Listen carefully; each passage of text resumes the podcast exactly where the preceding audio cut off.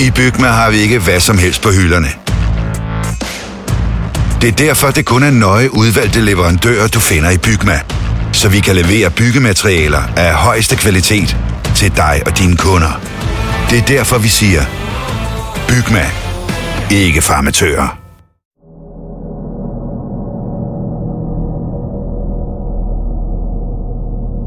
Det var en kold novemberaften i Oslo i 2002.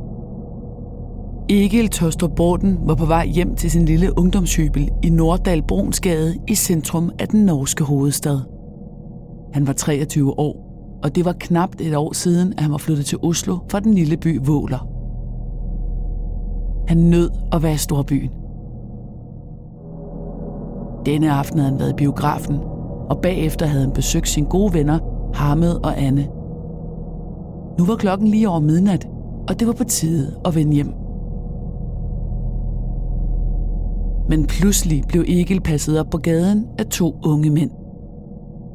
De troede ham med en kniv og en skruetrækker. De ville have ham til at aflevere sin pung og mobiltelefon. Egil havde erfaring som dørmand. Han var både høj, stærk og langt fra bange af sig. Han havde ikke tænkt sig at udlevere sine ting uden videre. Få sekunder senere lå Egil døende på gaden, ramt af flere stik fra en skruetrækker og en kniv. Det dræbende stik i brystet var gået over 6 cm ind og havde ramt hovedpulsåren. Og der skulle gå mere end 14 år, inden hans gerningsmand blev pågrebet.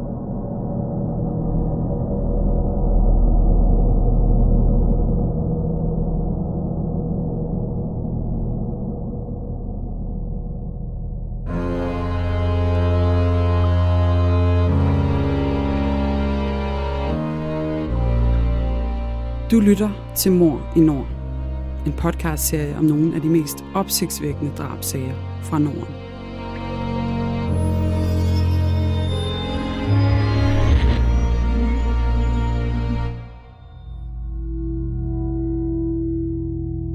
Det du nu skal høre er en virkelig historie. Den er researchet og fortalt af Janne Ågaard og læst op af Le Gammeltoft.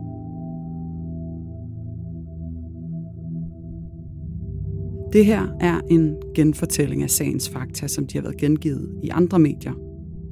Nogle detaljer er udeladt, ligesom vi her afholder os fra at tage stilling. Det har retssystemet gjort. Men du skal være forberedt på, at det kan være voldsomt at lytte til. Ikke mindst fordi det handler om rigtige menneskers liv og død.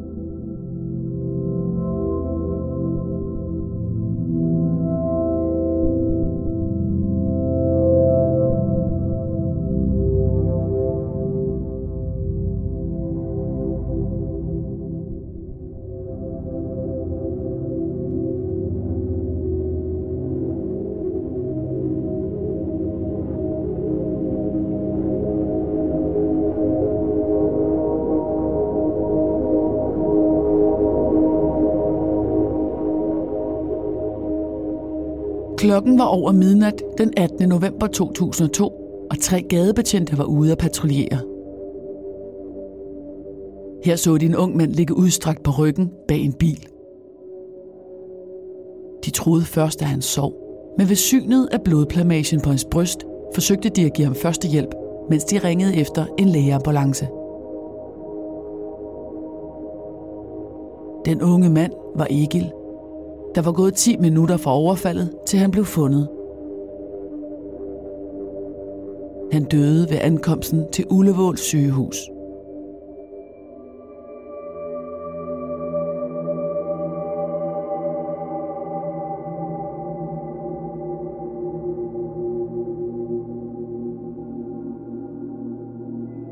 Gerningsstedet blev sikret. Politiet fandt hurtigt både en skruetrækker og en kniv med blod på, som de fik analyseret for DNA. Resultatet var en såkaldt blandingsprofil. På knivsbladet var der både DNA fra Egil og fra den formodede gerningsmand. Men det var alt for lidt materiale til at lave en egentlig DNA-profil til sammenligning i DNA-registret. Der var videoovervågning ganske tæt på gerningsstedet, men det drabet var sket uden for selve kameravinklen kunne man ikke se handlingen. Til gengæld kunne man høre håndgemæng og snak på optagelsen. Lydoptagelsen blev sendt til udenlandske eksperter for at gøre det muligt at identificere stemmerne. Men på trods af flere ihærdige forsøg, viste det sig, at det ikke var muligt at forbedre lydkvaliteten nok. En taxichauffør havde set to unge mænd følge efter Egil. Egil var høj og havde rødt hår og var derfor let genkendelig, og politiet efterlyste de to mænd, der dog aldrig meldte sig. Sporene var få, men de pegede på et gaderøveri, der var gået grueligt galt. Egil havde været den forkerte mand på det forkerte tidspunkt.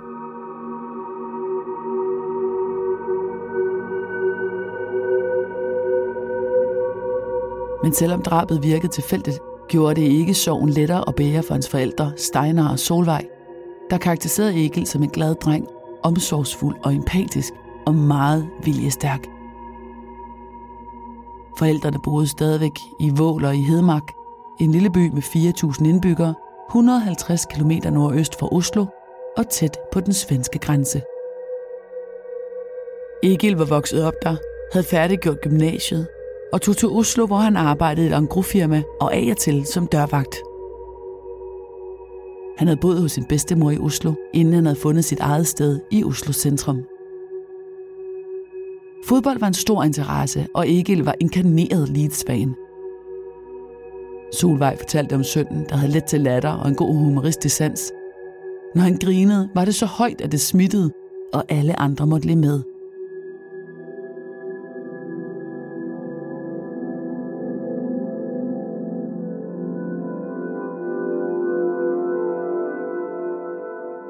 Jagten på Egils drabsmand skulle vise sig at blive en af de længste i nyere tid, og en stor udfordring for det ihærdige norske politi, som ellers kunne prale af en tårnhøj opklaringsprocent. Drab er ret ualmindeligt i Norge, der har cirka samme rate per indbygger som Danmark. Det vil sige, at der sker omkring 40 drab i Norge årligt. I Norge er forældelsesfristen for drab 25 år. Til sammenligning har vi ingen forældelsesfrist på drab i Danmark, Alligevel ligger den danske opklaringsprocent for drab på omkring 90 procent, mens den norske opklaringsprocent er væsentligt højere. Her er der tale om 97 procent opklarede drabsager.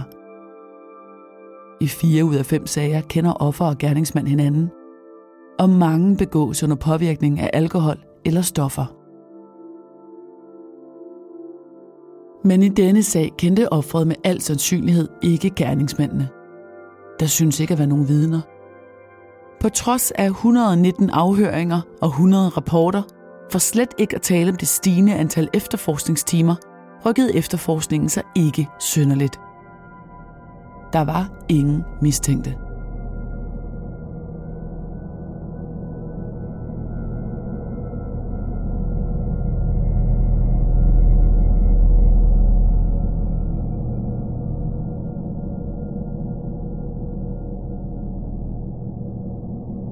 Som årene gik, udviklede DNA-teknologien sig betydeligt, og selv ganske små mængder DNA kunne nu analyseres. Det var også blevet muligt at behandle blandingsprofiler og adskille flere forskellige personers DNA. I 2008 fik politiet i Oslo et tip om en mulig gerningsmand, nemlig en ung mand ved navn Mehmet Østen. Han havde flere domme bag sig, blandt andet for knivrøveri. I den forbindelse havde han afgivet en DNA-prøve til politiet. Men på grund af usikkerhed omkring DNA-profilen på gerningsmanden, som var fundet på kniven, blev han først afhørt som vidne i Egil-sagen i november 2013, altså mere end 11 år efter drabet. Mehmet nægtede et hvert kendskab til Egil, og da der var usikkerhed omkring DNA'ets sikkerhed som bevis, blev han ikke sigtet. I stedet for udtænkte politiet et snedigt plot –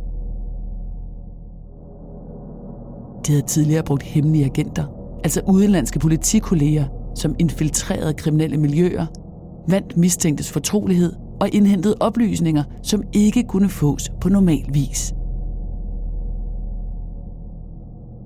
Politiet hentede Mehmet ind til en afhøring i forbindelse med en anden røverisag. Han blev placeret i arresten i politicentralen i Oslo. Mens Mehmet ventede på at blive afhørt, blev de hemmelige agenter i forklædning som straffefanger ført ind i håndjern i den tilstødende celle. Der blev smalltalket mellem mændene, og efter Memes løsladelse opretholdt de kontakten. De arrangerede hemmelige møder i udkanten af Oslo, hvor der blev talt om køb og salg af narkotika. Men Meme talte aldrig over sig, eller refererede til det gamle drab over for agenterne. Efter et godt stykke tid opgav politiet aktionen. Vi har opfyldt et ønske hos danskerne, nemlig at se den ikoniske tom skildpadde ret sammen med vores McFlurry. Det er da den bedste nyhed siden nogensinde. Prøv den lækre McFlurry tom skildpadde hos McDonald's.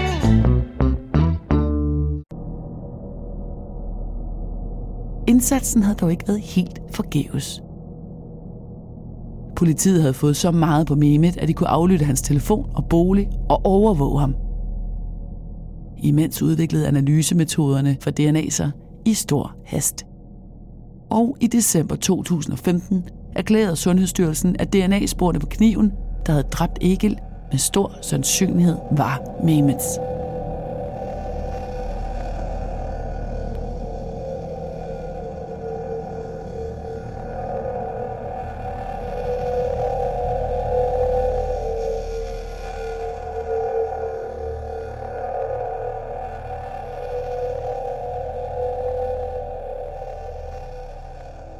Først i november 2016, 14 år og 5 dage efter drabet på Egil, blev Mehmet Østen sigtet og anholdt. Der var gået tre år siden han blev afhørt om sagen første gang, og Mehmet nægtede stadig at have noget med drabet at gøre. Den nu 32-årige norske statsborger med tyrkisk baggrund havde et alen langt strafferegister og flere domme bag sig. Ikke mindst for især gaderøverier, som han havde begået i sin ungdom. I 2002 var Mehmet netop fyldt 18 år. Få dage inden drabet på Egil havde han fået sin første dom i Oslo Byret for gaderøverier. Han var sammen med en 16-årig ven tit ude og lede efter egnede ofre, som han troede til at aflevere tegnebøger, mobiltelefoner og kontanter. Mehmet fik sin 10. dom i 2011. Kort tid efter løsladelsen mødte han den kvinde, der siden skulle blive hans hustru, og han fik sig et almindeligt, hederligt arbejde som assisterende butikschef. Parret fik en datter sammen i 2015. Det virkede som om, at han endelig var blevet voksen og havde efterladt sin kriminelle ungdom i fortiden.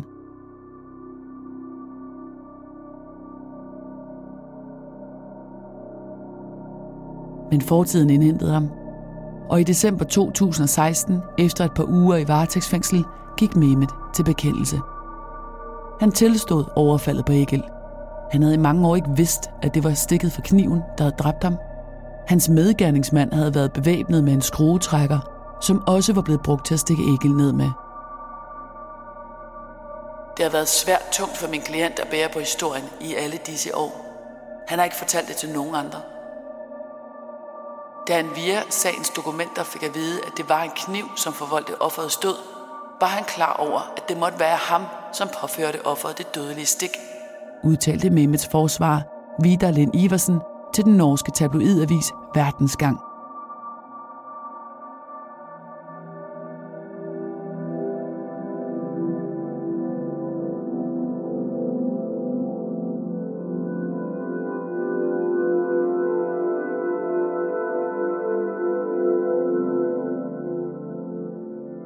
Egils familie fik endelig vidshed om, hvad der var sket med deres søn. Og Mehmet kunne endelig fortælle om den ugerning, som han ellers havde svoret at holde hemmelig for evigt. Samtidig angav han sin medgerningsmand, hans barndomsven Adam. Mehmet og den to år yngre Adam var i overvis uadskillelige og havde sammen begået flere gaderøverier på jævnaldrende. Også Adam var blevet dømt flere gange, blandt andet for vold og våbenbesiddelse. Men Adam havde holdt sig på dydens smalle sti efter drabet på Egil, og havde fået styr på sit liv. Han og Mehmet var ikke længere venner, og de havde kun talt sammen ganske få gange siden den nat i 2002. Siden da havde Adam levet et almindeligt liv. På et tidspunkt havde han ligefrem været en af Norges mest lovende unge skøjtestjerner, selvom han aldrig nåede til OL som forventet. De seneste år havde han studeret medicin. I marts 2017 fik Adam og Mehmet mulighed for at forklare sig i retten, da sagen begyndte ved Oslo Byret. Mehmet var tiltalt for røveri og drab, mens Adam kun stod tiltalt for groft røveri med døden til følge. De to bekræftede anklagerens udlægning af røveriet langt hen ad vejen. De havde fulgt efter Egil for at røve ham, men da Egil ikke bøjede sig for deres trusler, var der opstået et håndgemæng, hvor både Mehmet og Adam havde brugt deres medbragte våben. Da Egil lå såret på asfalten, havde de taget hans tegnebog og var stukket af. Ingen af dem troede, han var hårdt såret, og de blev først klar over, at Egil var død dagen efter, da de hørte om det i medierne. De havde diskuteret, om de skulle melde sig selv til politiet, men gjorde det ikke. Kort tid efter var kontakten mellem barndomsvennerne ophørt, og de havde ikke talt sammen i mange år. Adam erkendte sig skyldig i væbnet røveri og erkendte, at han havde stukket Egil tre gange med sin skruetrækker.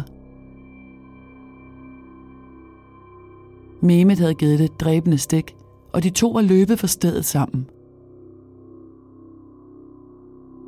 Mehmet nægtede sig skyldig i drab, men Adam modsagde sin gamle barndomsvens forklaring og fortalte, at Mehmet havde forsøgt at komme ham til undsætning, da han var kommet i klammeri med Egil.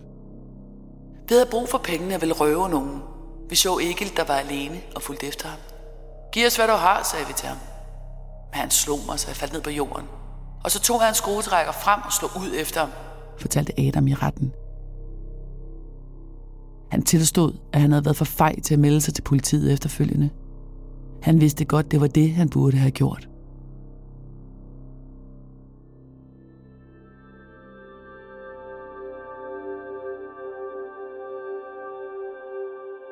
Mehmet erkendte, at der havde været et slagsmål, men nægtede, at han ville dræbe Egil. Det var uaksomt manddrab, da han tog sin kniv frem og fægtede med den. Mehmet anede ikke, at han havde ramt Egil, før han læste om det i avisen. Men retten lagde større vægt på Adams forklaring end på Mehmets.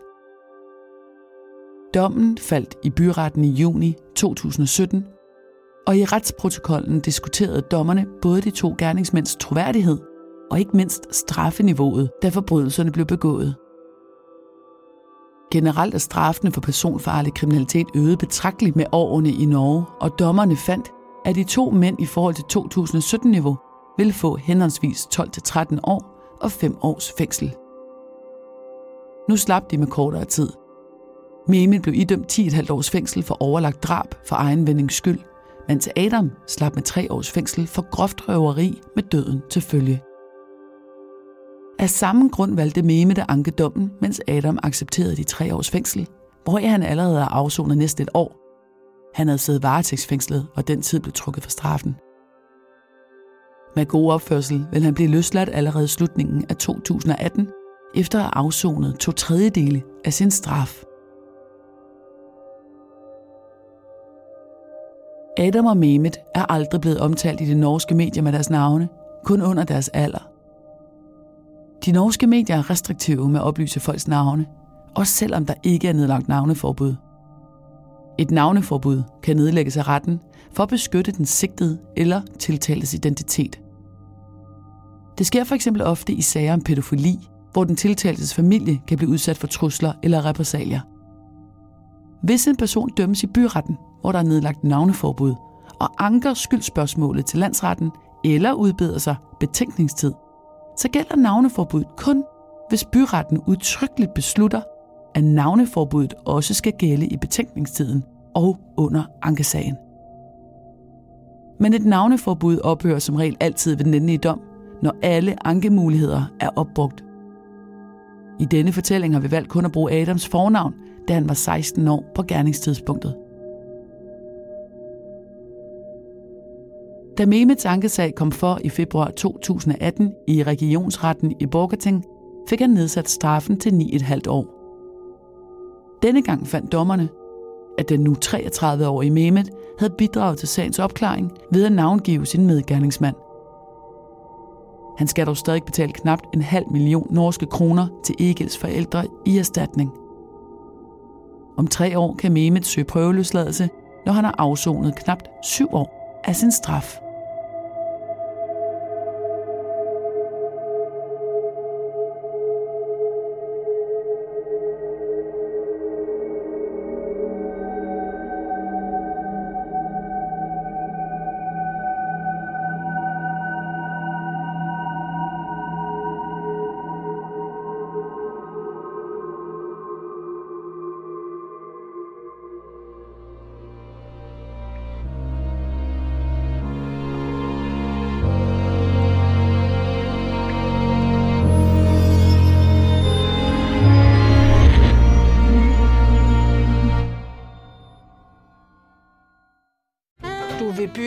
Amerika? Ja, selvfølgelig vil jeg det.